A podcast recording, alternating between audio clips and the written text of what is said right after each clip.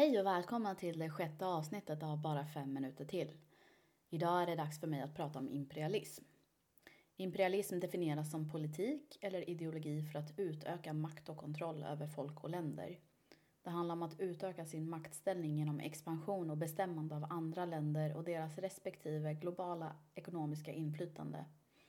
Det är någonting som man får tillgång till genom antingen hard power som militärt våld eller soft power som ekonomiskt och kulturellt övertagande. Kolonialism är ganska lik i sin definition, där man vill förvärva politisk kontroll över ett annat land, ockupera det via bosättning och utnyttja det ekonomiskt.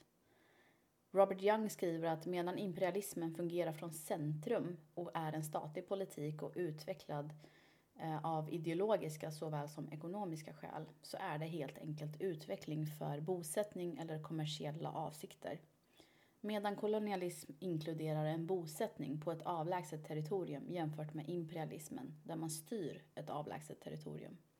Men båda går ut på maktskiften och att undertrycka en part för att öka sin egna politiska ekonomiska makt. Politik och krigföring har kanske inte ändrats så mycket sedan medeltiden med dess militära och ekonomiska övergrepp.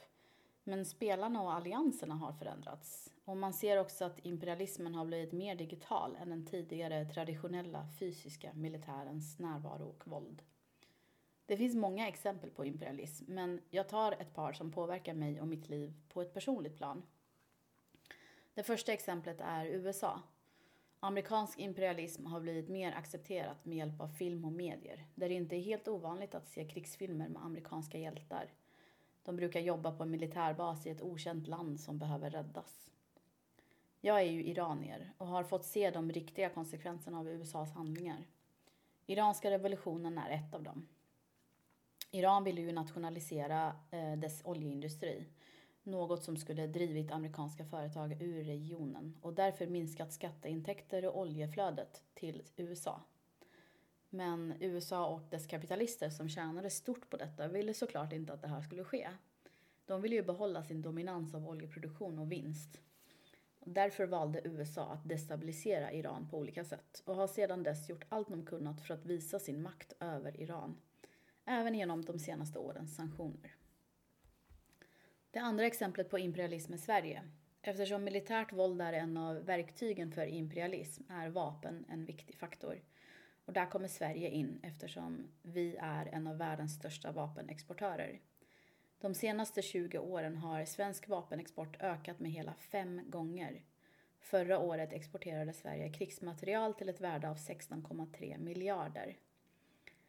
För 30 år sedan så exporterade Sverige krigsmaterial till mer än 30 länder men sedan dess så har det faktiskt nästan dubblat antal länder som köper vapen. Och trots riktlinjer som borde förhindra export av krigsmaterial till länder i krig och konflikt så säljer faktiskt Sverige krigsmaterial till både krigförande länder som till exempel USA, Indien och Pakistan och till krigförande diktaturer som exempelvis Förenade Arabemiraten och Saudiarabien. År 2000 gick 4% av den totala vapenexporten räknat i värde till länder som deltar i väpnad konflikt. År 2015 så hade det ökat till hela 85 procent.